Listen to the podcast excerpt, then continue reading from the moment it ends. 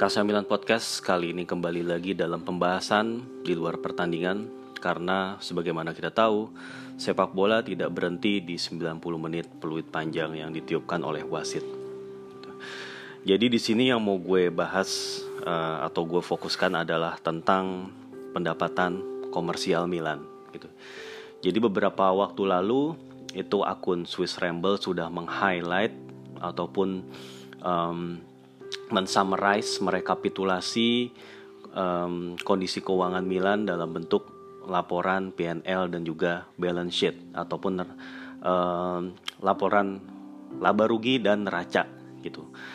Uh, di situ banyak hal-hal menarik yang kalau bisa dicermati satu persatu itu ada poin-poin tersendiri atau ada hal-hal yang bisa dibahas dibahas lebih mendalam gitu ya.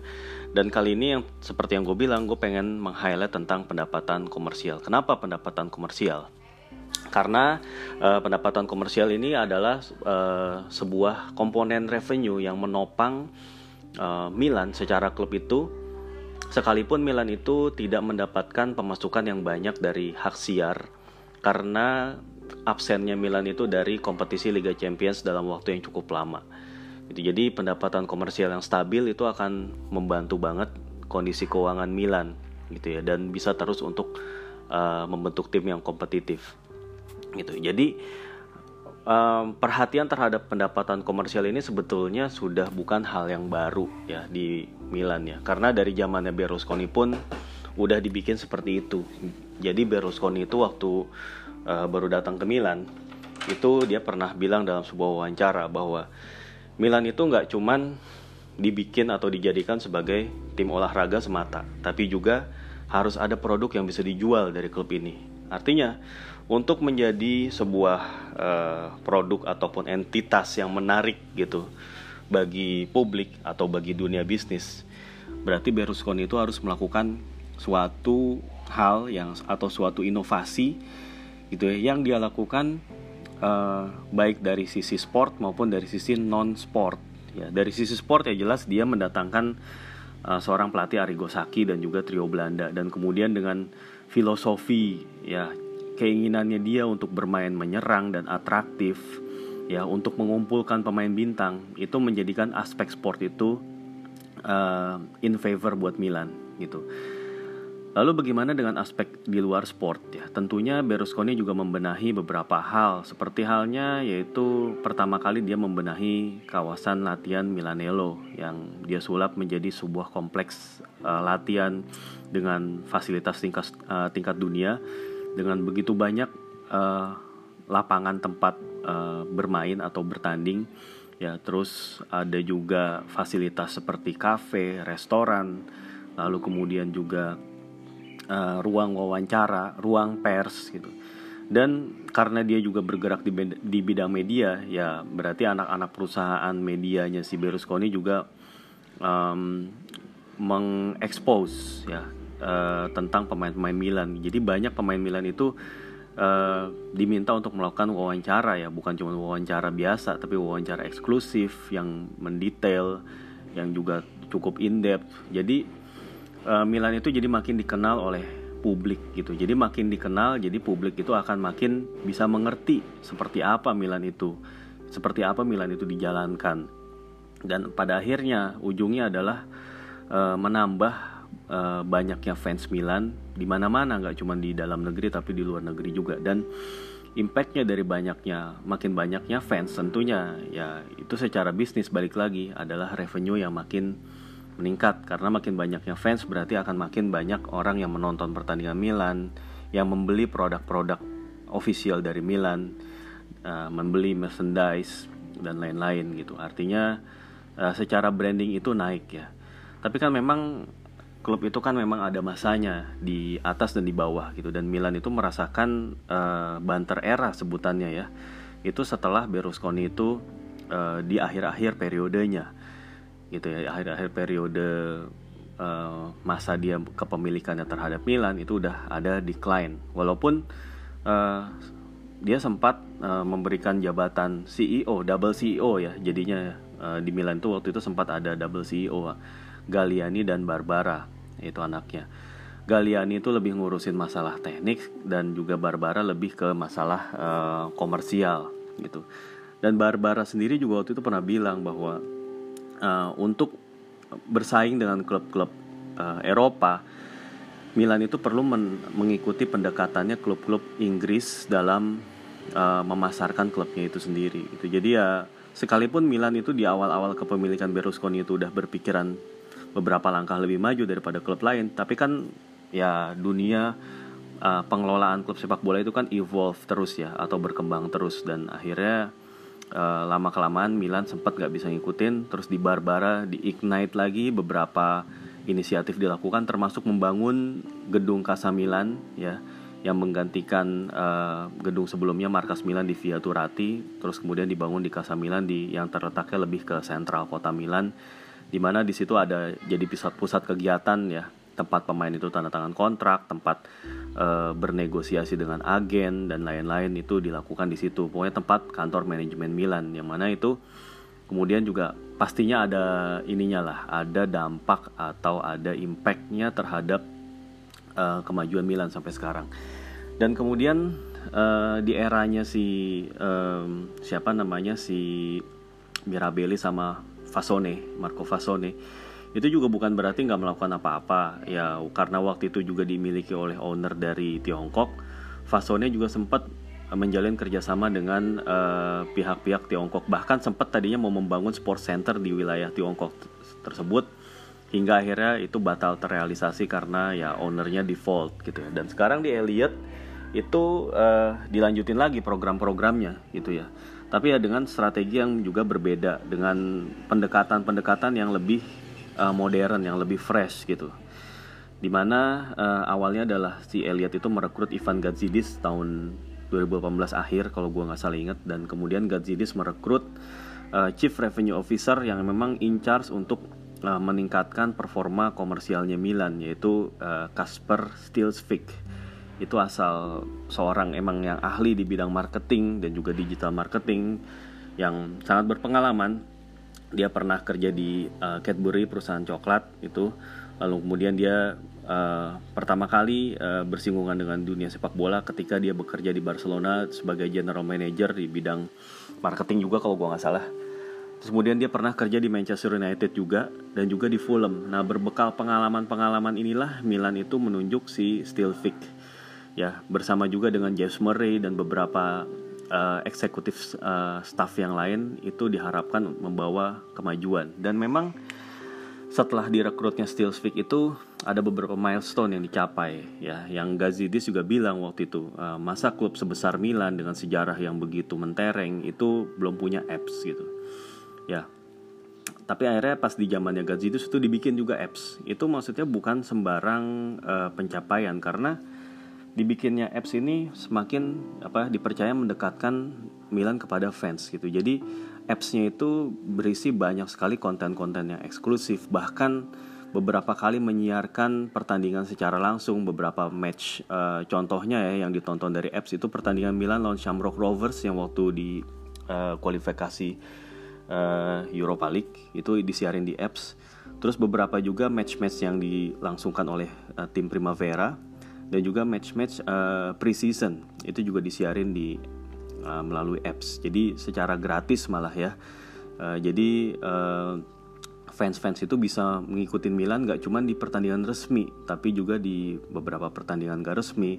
Ataupun juga ketika menyimak uh, perkenalan pemain uh, preskon dari pelatih ataupun pemain dan lain-lain itu bisa disimak di situ. Sehingga emang mendekatkan penggemar kepada klub. Dan um, tentunya para manajemen Milan juga sadar ya bahwa sekalipun Milan itu sangat kuat di bidang sejarah, tradisi gitu, tapi mendekati uh, penggemar-penggemar dari kalangan milenial ke bawah ya, milenial, Gen Z ataupun post uh, generation Z itu juga perlu dilakukan dan salah satu yang diupayakan ya untuk mempenetrate segala barrier yang menghadang itu adalah dengan membuat uh, apps tadi sekali sekaligus juga menjalin kerjasama dengan pihak-pihak yang menjadi pendukungnya seperti halnya um, menjalin kerjasama dengan uh, perusahaan payment agregator seperti Skrill, kemudian perusahaan seperti D DAZN, Dozen, itulah seperti itu. Terus ya Sosio baru uh, belakangan ini itu emang dilakukan Milan uh, sehubungan dengan upaya mereka untuk memperkuat brand mereka itu dan juga memperkenalkan brand mereka itu kepada generasi-generasi sekarang karena mereka adalah masa depan nih. Mereka adalah masa depan yang emang harus di dipelihara dari sekarang, dipupuk dari sekarang kecintaannya. Apalagi momentum di mana Milan ini lagi uh, cukup baik performanya ya, sedang kapolista dan ataupun ya sedang permainannya tuh sedang bagus gitu. Itu jadi momentum yang pas untuk uh, mendekatkan diri dengan para fans gitu, terutama fans-fans yang misalnya belum mendeklar nih belum mendeklar eh, ngefans klub apa misalnya orang-orang yang baru nonton bola gitu misalnya uh, apa yang dilakukan oleh manajemen Milan itu sampai ke dia gitu dan kemudian impress gitu. bisa aja dia jadi fans Milan baru gitu. dan menjadi fans Milan yang baru itu tentunya uh, tentu diharapkan bisa apa ya impactnya itu jangka panjang sih karena dengan loyalitas itu akan muncul keinginan misalnya untuk mengoleksi jersey, untuk uh, menjadi member fans club resmi atau untuk menjadi apa ya?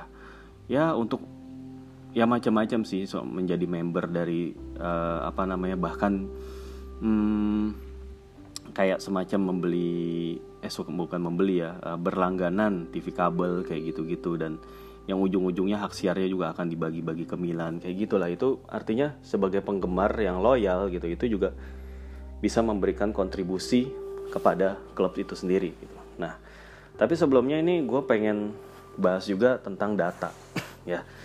Jadi seperti yang gue bilang Swiss Ramble itu uh, kemarin udah mengeluarkan uh, apa namanya konten dia uh, tentang kondisi keuangan Milan ya. Dia dia udah summarize dalam bentuk yang sangat-sangat bisa dipahami menurut gue. Di sini mungkin uh, kita sedikit uh, ngelihat angka lagi ya. Jadi di mana total revenue atau total pendapatan Milan itu tahun 2020 itu 172 juta euro. Itu mengalami penurunan dibandingkan dengan tahun 2019 yang di mana Milan memperoleh 228 juta euro. Yang ini juga udah gue jelasin di podcast sebelumnya bahwa ini adalah efek dari COVID ya, mainly efek dari COVID yang mana semua tim juga ini merasakan impact tersebut gitu.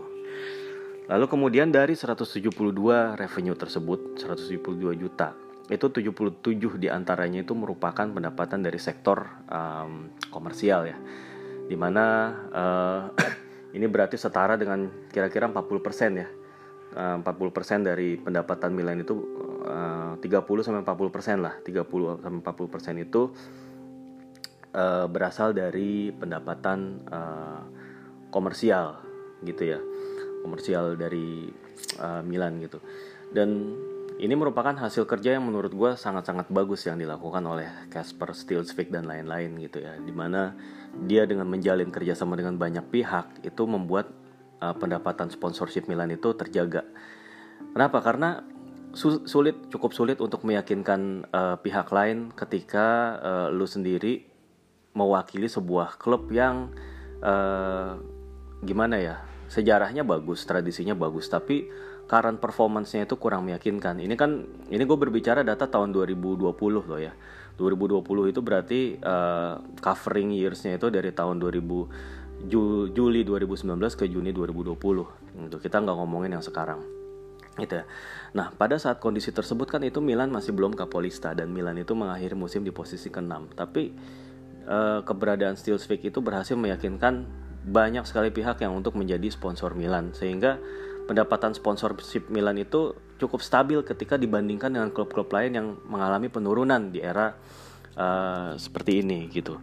Jadi di tahun 2020 ya kalau kita bandingkan sama leading klubnya Eropa, Barcelona contohnya, pendapatan komersial uh, mereka itu turun dari sebelumnya 363 juta euro ke 323.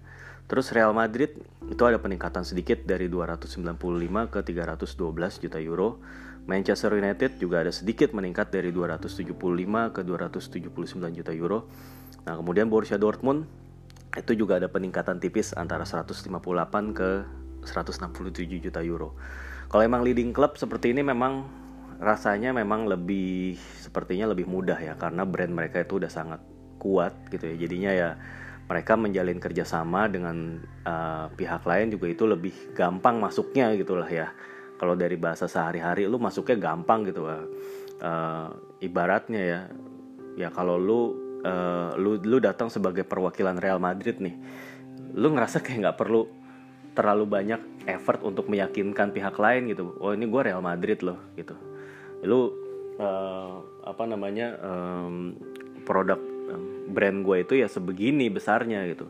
Jadi uh, justru malah ya beberapa um, dunia bisnis ataupun perusahaan-perusahaan tuh malah kayak berebut gitu untuk uh, masuk ke Real Madrid gitu loh.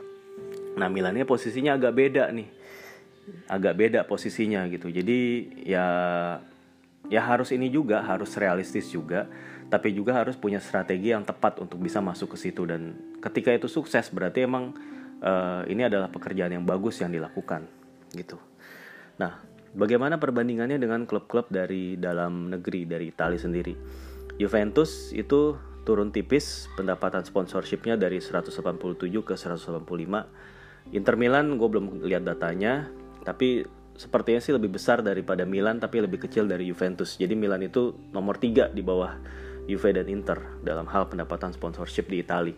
Padahal Milan waktu eranya Berlusconi selalu nomor satu pendapatan sponsorshipnya ya. Tapi karena emang klub-klub lain juga udah memiliki kesadaran terhadap pentingnya meningkatkan brand dan uh, memperbesar pendapatan sponsorship juga, itu jadinya memang ya seiring prestasi di lapangan itu pasti juga ada pengaruhnya juga gitu. Terus lanjut ke AS Roma. AS Roma itu turun dari 54,6 ke 34,8 juta euro. Napoli itu juga turun dari 47,1 ke 41,9. Lazio itu naik ya dari 29 ke 30 dan Atalanta itu naik dari 23 ke 37 ya wajar ya Atalanta itu kayak dalam dua musim terakhir itu reputasinya ningkat ya.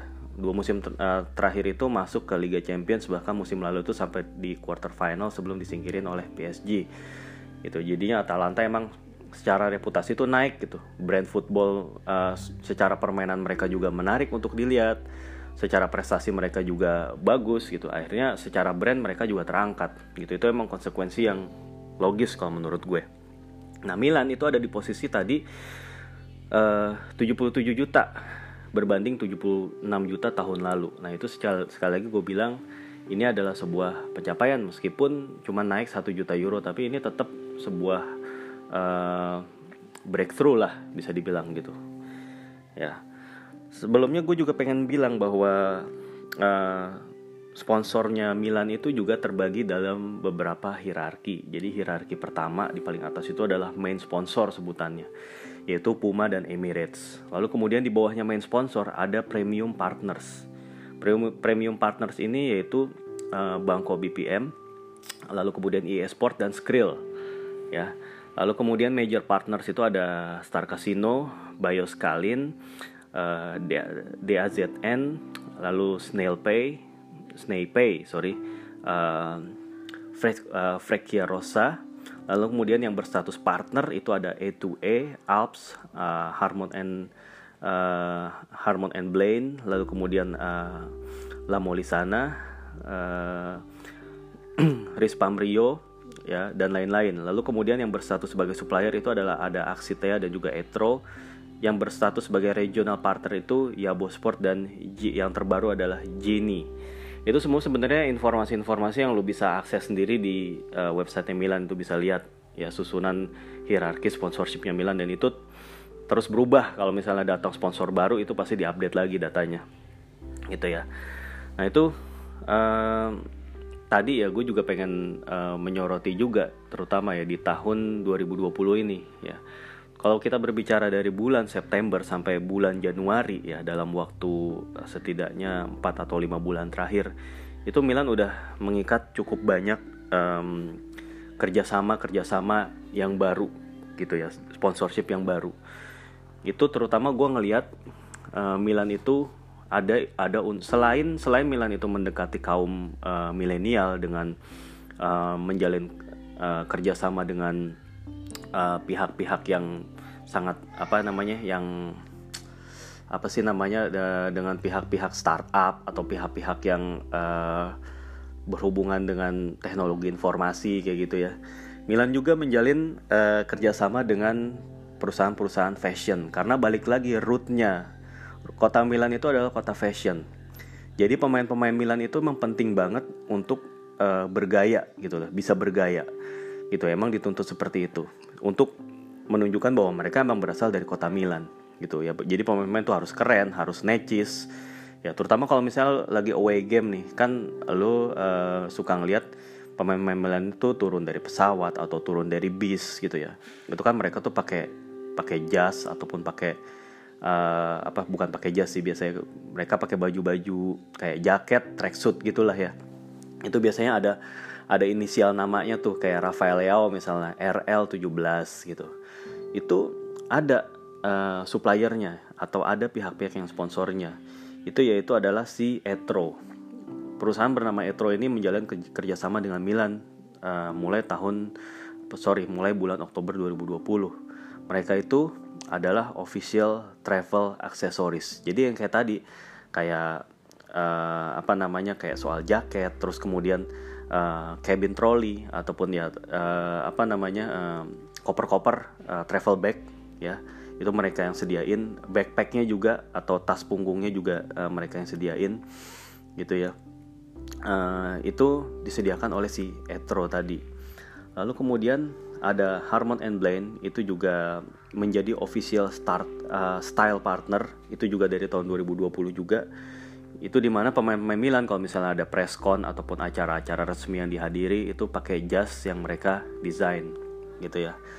Terus kemudian ada kerjasama dengan Segafredo itu juga produk kopi. Itu balik lagi Milan kembali ke root juga sebagai Italia sebagai negara yang terkenal dengan uh, kopinya ya espressonya itu menjalin kerjasama dengan Segafredo dari tahun uh, 2020 bulan Desember gitu ya terus kemudian uh, apalagi nih EA Sport sebagai uh, uh, apa namanya perusahaan yang menjadi pembuat game FIFA gitu ya. Terus kemudian uh, Milan juga baru-baru ini tahun bulan Januari itu bahkan ada tiga yang masuk sponsor itu, yaitu si uh, selain dari Sosio, Sosios uh, uh, perusahaan apa namanya cryptocurrency. Terus kemudian ada juga Epic Game Fortnite. Itu kemarin ada beberapa gambar game Fortnite itu di media-media sosial Milan itu ada di situ mulai tahun Januari 2021 dan juga um, yang yang terbaru adalah Genie ataupun ride hailing application atau ya perusahaan yang uh, punya aplikasi um, kayak Gojek lah kalau di Indonesia kayak semacam Gojek atau Grab lu nyari kendaraan untuk ngejemput lu pergi ke suatu tempat. Itu aplikasi Genie itu ada di apa berbasis di Middle East ya. Itu di Dubai atau di mana di Saudi kayaknya sih. Pokoknya wilayah Middle East lah. Itu kan termasuk wilayah yang sangat market yang sangat potensial karena orang-orangnya tuh pada punya daya beli yang besar. Mereka juga sangat-sangat dekat dengan gadget dan teknologi dan Milan masuk di situ gitu jadi emang bisa dibilang uh, si kalau dilihat ya strategi marketingnya si Milan ya di bawah si Kasper Stilsvik itu yang pertama dalam dia mendekati milenial jadi mendekati milenial itu dengan cara apa? Itu masuk dari teknologi. Jadi dibikin apps yang bagus. Terus kemudian dari appsnya itu juga ada di situ kayak semacam uh, misalnya orang mau belanja nih di apps belanja jersey, itu payment gateway-nya tuh pakai Skrill gitu misalnya. Terus Milan juga menjalin kerjasama dengan lembaga keuangan lain tuh seperti Banco BPM tadi. Itu jadinya emang kerjasama dengan lembaga keuangan itu kan emang buat uh, ya mungkin ada fasilitas fasilitas yang di harus digunakan atau atau um, apa ya kayak semacam timbal baliknya ada lah gitu tapi yang jelas Milan itu uh, bisa bisa aja ngedapetin kemudahan dalam hal loan kalau suatu saat mereka butuh ya. Saat ini Milan nggak ada loan kepada bank. Tapi yang menjalin kerjasama dengan bank itu penting banget. Terutama kalau Bangko BPM ini menjadi sponsor shirt shirt sponsorshipnya dari tim wanita. Kalau cowoknya kan Fly Emirates kalau cewek itu Bangko BPM gitu ya. Terus kemudian um, tadi ada kerjasama di bidang eh, ya milenial ya. Tadi sorry sorry, maksudnya uh, mendekati pasar milenial itu dengan apps. Itu selain itu juga dengan uh, game. Dunia game itu kan e-sport ya.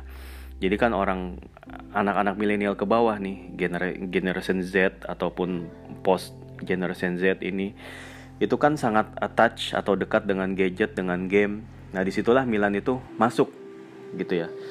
Jadi emang harus uh, tujuannya itu adalah men mempersempit jarak gitu ya antara fans dengan klub.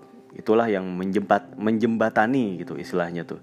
Jadinya emang uh, pihak-pihaknya Kasper Stilvik itu membuat campaign-campaign yang untuk terus mendekatkan dengan fans gitu ya dengan engagementnya jadi semakin kenceng gitu ya juga selain itu Milan pernah menjalin kerjasama dengan uh, dalam hal e-sport ya, karena e-sport itu kan bisa jadi masa depan juga nih. Olahraga tuh e-sport itu bisa dipertandingkan dalam ajang-ajang internasional. Dan Milan itu perlu menyentuh bagian itu gitu. Dan itu udah mulai dilakukan gitu ya. Lalu kemudian um, yang Milan juga fokuskan uh, menurut gue setelah uh, kerjasama dengan untuk mendekati kaum kaum uh, milenial ke bawah itu juga ada uh, upaya untuk kembali ke yang tadi gue bilang kembali ke rootnya gitu. Ya mereka tuh siapa? Mereka tuh dari kota mana? Dari kota Milan yang sangat terkenal dengan fashion. Ya udah pemain-pemainnya harus keren gitu. Pemain-pemainnya harus gaya. Ya itulah yang dilakukan kerjasama dengan pihak perusahaan fashion gitu ya. Nah terus kemudian juga kopi. Ada Segafredo. Itu uh, Milan juga menjalin kerjasama dengan Segafredo itu karena Milan berasal dari Italia yang terkenal dengan kopinya. Lalu kemudian ada uh, perusahaan uh, makanan juga seperti uh, Beretta, lalu kemudian uh, La Molisana. Itu perusahaan-perusahaan yang emang bergerak di bidang kuliner, makanan. La Molisana itu adalah pembuat pasta, ya mana Italia juga negara uh, apa namanya tempat di mana makanan pasta itu berasal gitu. Jadi emang uh, Milan itu uh, selain mendekati kaum pihak pihak-pihak yang tepat yaitu ya calon konsumen yang tepat. Ya, tapi mereka juga memperkenalkan root mereka gitu, asal mereka dari mana gitu, supaya nggak hilang semua itu. Itu jadi Milan itu nggak sekedar uh, klub yang di uh, apa namanya dikelola seperti halnya seperti layaknya perusahaan yang mencari profit, tapi juga harus ada ininya harus ada ciri khasnya harus ada uh, origin ya. Nggak nggak nggak lupa dengan origin nggak lupa memper apa menonjolkan originalitas mereka juga gitu. Mereka itu dari mana dan apa yang menjadi ciri khasnya di situ. Jadi uh, konklusinya menurut gue ya ini menjalin kerjasama dengan beberapa pihak itu selain nggak mudah itu juga perlu ada strateginya. Jadi pihak-pihak mana yang dijadiin sponsor itu juga penting gitu. Nggak pemilihannya gitu ya. Jadi pintu pintu dari perusahaan mana ini yang mau diketuk gitu ya untuk dijadikan partner. Ataupun ketika ada perusahaan-perusahaan yang masuk untuk mengajukan proposal sponsorship juga harus dipilih nih apa yang menguntungkan buat keduanya nih kira-kira sinerginya. Dan gue percaya orang-orang seperti Steel Speak itu adalah orang yang udah uh, udah khatam dalam mengikuti training Seven Habits of Highly Effective People gitu ya yang mana salah satu prinsipnya dia adalah think win-win gitu. Jadi yang namanya kerjasama itu semuanya harus sama-sama untung gitu. Jadi nggak nggak ada istilahnya eksploitasi gitu. Jadi harus sama-sama untung harus sama-sama menguntungkan gitu. Jadi brand dari uh, pihak yang bersangkutan atau dari pihak yang menjalin kerjasama juga naik brand Milan juga naik gitu. Jadi sama-sama eh, sama-sama maju gitu maju bareng-bareng itu uh, gua rasa juga itu udah di uh, dilakukan gitu ya terus kemudian ya itu tadi uh, menjalin kerjasama dengan beberapa pihak itu juga terus apa harus tetap uh, memperhatikan prinsip juga gitu. Beberapa klub emang ada yang punya value sendiri gitu. Misalnya ada klub yang mungkin ya enggan menjalin kerjasama dengan pihak-pihak tertentu karena bersinggungan dengan value mereka gitu apalah gitu misalnya ya contohnya nih gue bukannya mau gimana-gimana kayak misalnya perusahaan judi betting gitu kalau Milan sih masih ada kerjasama dengan perusahaan betting gitu di situ lo bisa lihat di webnya gitu tapi ada beberapa klub yang mungkin enggan uh, untuk bekerja sama dengan perusahaan betting kayak gitu-gitu. Itu terkait dengan value dari klub ya. Nah dalam hal ini value-nya Milan itu uh, juga kelihatan dalam hal menunjukkan origin mereka gitu. Mereka tuh dari kota Milan dari Italia. Jadi sangat tepat ketika bekerja sama dengan pihak pihak-pihak yang uh, berhubungan dengan fashion. Sebelumnya kan Milan juga bekerja sama dengan perusahaan seperti Dolce Gabbana ya. Nah, sekarang kalau nggak salah udah nggak. Nah sekarang digantinya itu jadi uh, Harmon and Blaine kayak gitu. Jadi emang uh, ini pemilihan dari produk-produk ini juga pasti dilakukan survei-survei ya itu juga pasti dilakukan. Dan bagaimana Milan itu juga melakukan approach terhadap perusahaan-perusahaan uh, terhadap dunia usaha itu juga udah dilakukan dan terbukti ini di bulan Januari aja udah masuk tiga partner gitu. Artinya ini nggak dijelasin sih satu partner itu bisa ngasih berapa. Yang jelas semakin tinggi dia bisa ngasih ke Milan ya. Itu dalam hierarki sponsornya itu dia akan ditempatkan di paling atas gitu mungkin ya di atas nilainya dia yang yang jutaan euro itu ya makin tinggi gitu. Mungkin kalau yang kecil-kecil yang jadi partnernya itu mungkin hanya ratusan ribu euro gitu. Tapi itu it's okay. Jadi bukan cuma sekedar jumlah yang dicari tapi adalah bagaimana uh, pembelian pemberian sponsor itu tepat sasaran. Produk-produk yang di represent juga emang cocok gitu. Jadi eh, produk-produk yang berhubungan sama teknologi karena emang dekat dengan milenial juga ya produk-produk yang berhubungan dengan uh, yang menunjukkan asal dari Milan itu tadi. Asal maksudnya dari rootnya originnya itu ya artinya emang nggak bisa sembarangan juga gitu. Nggak bisa sembarangan. Tapi emang harus dipilih. Ya tapi juga nggak bisa terlalu kesannya eksklusif gitu. Jadi kalau terlalu eksklusif pun lu malah ntar jadi nggak dapat apa-apa gitu. Jadi emang ya banyak hal lah yang harus diatur oleh manajemen Milan ini. Dan terutama ya setelah covid ini tentu peran dari uh, divisinya Kasper Stilsvik ini sangat-sangat besar gitu ya. Karena udah pasti pendapatan hak siar berkurang terus nggak ada penonton yang datang ke stadion jadi pendapatan dari stadion pasti uh, malah mungkin sama sekali nggak ada gitu ya. Mungkin ada sedikit gitu ya Nah ini pendapatan komersialnya jadi bisa jadi anchor nih, bisa jadi anchornya atau bisa jadi uh, apa ya divisi yang bisa menyelamatkan gitu. Paling nggak bisa ngebayar gaji pemain, paling nggak bisa menutup eh, kegiatan-kegiatan operasional gitu. Ini yang di yang diharapkan gitu dan ada juga ya Milan juga selain bertanggung jawab kepada shareholder mereka sendiri yaitu Elliot dan juga uh, perusahaan-perusahaannya itu juga Milan bertanggung jawab terhadap badan liga Italia termasuk juga UEFA karena Milan masih dalam proses uh, monitoring dari FFP gitu ya. ya walaupun FFP itu musim lalu dianulir ya kita nggak tahu musim depan gimana. Jadi untuk bergerak inline dengan FFP itu menurut gue itu sangat-sangat signifikan sangat-sangat penting untuk dilakukan. Gitu jadinya emang ya gimana ya? Ya menurut gue inilah ya tim yang dikelola dengan strategi, tim yang dikelola dengan orang-orang yang emang kompeten gitu, yang di yang kompeten di bidangnya gitu. Jadi emang uh, kompetensi kompetensi inilah yang menjadikan uh, manajemen itu semakin kuat ya, revenue semakin meningkat, um, nilai kerugian juga semakin uh, turun gitu. Itu yang diharapin sih sebenarnya. Dan di masa-masa sekarang ya bisa jadi seorang balik lagi gue bilang seorang Kasper Stilsvik ini bisa jadi figur yang paling penting ya. Karena dia yang mengenerate income gitu mengenerate mengenerate revenue. Gitu. jadi hasil kerja dia di sangat-sangat di apa ditunggu-tunggu nih gitu. Dia itu uh, revenue center. Kalau kalau di divisi-divisi lain itu kan biasanya dia yang uh, menggunakan cost gitu. Tapi kalau ya ini dia mengenerate revenue. Inilah yang mungkin akan dipandang cukup tinggi dan hasil kerja ini pasti akan di, dipantau, dievaluasi terus, disorot terus seperti apa gitu. Dan inilah yang akan bisa jadi uh, cukup menentukan bagi perjalanan Milan ke depannya gitu. Jadi emang sekali lagi sebuah tim ini apalagi tim gede ya main di kompetisi Eropa itu ya dikelolanya nggak bisa sembarangan. Harus ada standar-standar yang harus dipenuhi harus dikelola oleh orang-orang yang emang udah pengalaman dan udah kompeten. Jadi ya sekali lagi itu nggak simple gitu ya. Karena ya itu klub bola itu sepak bola itu udah bertransformasi dari olahraga tingkat kampung pertandingan antar kampung menjadi sebuah industri gitu ya. Menjadi uh, klub itu ya yang tadinya cuma didukung di daerahnya gitu sekarang klub dari kota Milan itu bisa didukung dari orang-orang dari kota mana Timbuktu dari Solo dari Jakarta dari mana-mana gitu ya. Itu pasti banyak gitu ya. Uh, seluruh dunia gitu udah merasa jadi kayak memiliki gitu ya.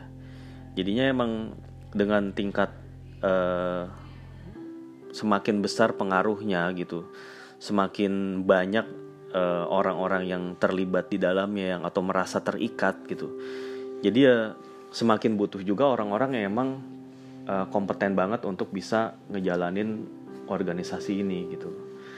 Dan sejauh ini kinerja manajemen ya kalau gue ngelihat dari kacamata awam gue sebagai pendukung yang juga mungkin gak tahu banyak gitu. Itu menurut gue bagus. Tapi yang sekali lagi yang yang lebih berhak menilai itu adalah shareholder. Dalam hal ini ya uh, Elliot lah pihak Elliot yang bisa menilai kinerjanya itu gimana. Ya return of investmentnya itu di Milan berapa sih gitu. Ya dan yang yang di berapa realisasinya berapa.